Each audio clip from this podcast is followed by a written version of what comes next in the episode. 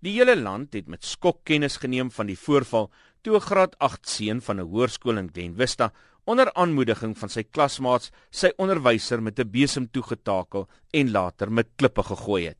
Die gord was behoorlik gaar toe nog 'n leerling, die slag in Sasselburg, 'n paar dae later sy onderwyser 'n skietwond toegedien het. Dean Baantjies is al vir 20 jaar lank 'n onderwyser.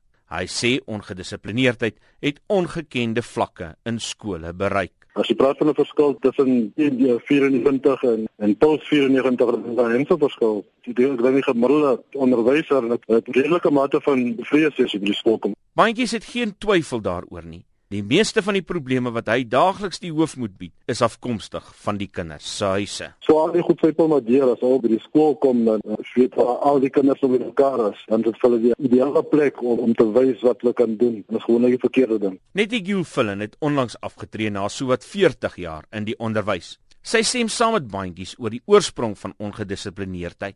Wanneer 'n kind 3 jaar oud is, as hy stout is, dan sê sy ma: "Wag net tot jy in die skool is." Wag net, die onderwyser sal vir jou reg kry. Dan bel jy 'n ouer en sê, "Hoorie, jou kind slip." Sê my magtig. Al hierdie klomp lawaai net omdat hy 'n klas geslip het. Dien Baantjie sê die gebrek aan dissipline by die huis kring verder uit sodat die aard van kinders se ongedissiplineerde gedrag ook verander. Die dissiplinêre probleme wat ons het, raak meer en meer gewelddadig en ons is nie bevoeg om dit te hanteer nie. Volgens bandjies kan deel van die probleem gesoek word by die feit dat die kinders nie meer 'n nasietrots of selftrots het nie. Uniform beteken vir niks, skoollied beteken vir niks, landslag beteken vir niks, so die onderwysers af jou niks beteken nie. Hy meen ook dat onderwysers se hande afgekap is om dissipline toe te pas. Meeste van ons is opgelei en voorberei vir 'n stelsel waar jy kinders pak gegee het as hulle swak gedraai. Intussen het die wetgewing verander. Die een dag het jy nog pak gegee en die volgende dag gee jy nie meer pak nie. Daleen Meiburg is 'n toppresteerder aan een van Johannesburg se spogskole. Die graad 11 leerling sê die probleem is nie so eenvoudig uit te pleis as wat bandjies dit wil laat klink nie. Onderwysers pik baie op kinders. Hulle dwing altyd respek op kinders af, maar hulle het nie noodwendig respek vir die kinders self nie. Daar sou soos 'n onderwyser wees dan sou daar soos 10 meisies in 'n ry staan en soos almal se slierte sal loshang, maar sy sal vir een meisie sê sy moet vasmaak en soos as hulle jou uitdaag voor baie kinders. Daar's van hulle wat net niks beter het om met hulle lewe te doen as om op kinders te pik no education.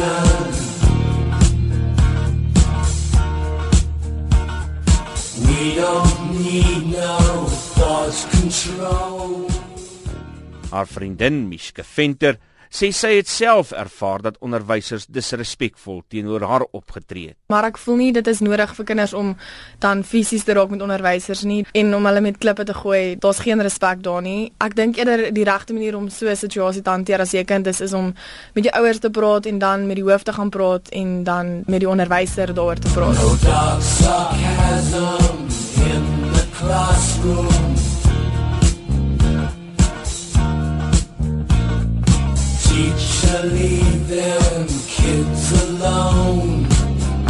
Daleen se broer Dandrey is in graad 7. Hy sê sommige onderwysers kan onbillik optree. Wat ook gebeur soms is as jy per ongeluk 'n fout maak, hou die onderwyser dit teen jou vir lank en soos wil niks met jou doen hê. Hey! Teacher!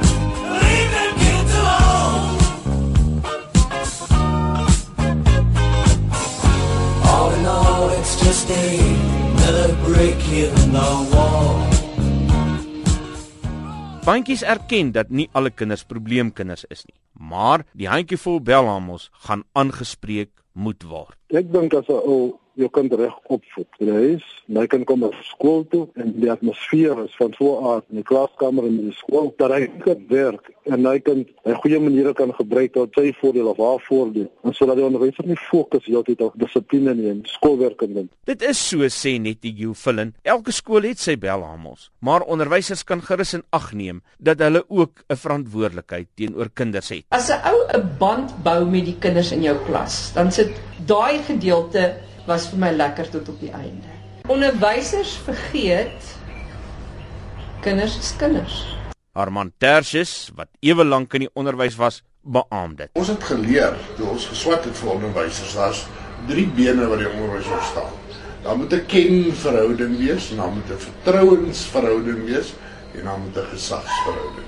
As die onderwyser nie die kind ken nie, dan kan die ander twee dinge nie plaasvind nie. Daleen, Mishke en Dandrey sê hulle weet daar is kinders in skole wat dit vir onderwysers moeilik kan maak, maar nie almal van hulle is so nie. Daarom hoop hulle onderwysers sal hulle raad in 'n ernstige lig beskou. Om te skree is nie altyd die antwoord nie. As jy respek het vir ons en nie pik en redes soek die hele tyd om te raas nie, dan sal ons respek teruggee vir julle. Hulle moet net ook onthou daar's kinders wat deur regtig rowwe goed gaan by die huis en dis baie hartseer goed soms wat in mense vriende se lewens gebeur. As die persoon 'n fout gemaak het, moet jy net nie dit teen hom hou die heeltyd nie. Jy moet net vergeet en net weer aanhou met wat jy moet doen is om 'n onderwyser te wees. Dit was drie leerdlinge aan Johannesburg se skole wat die skuilname Daleen Meiburg, Mishke Venter en Dandrey Meiburg gebruik het. Die onderwyser Dien Bandjies is ook 'n skuilnaam. Ek is Isak Du Plessis in Johannesburg.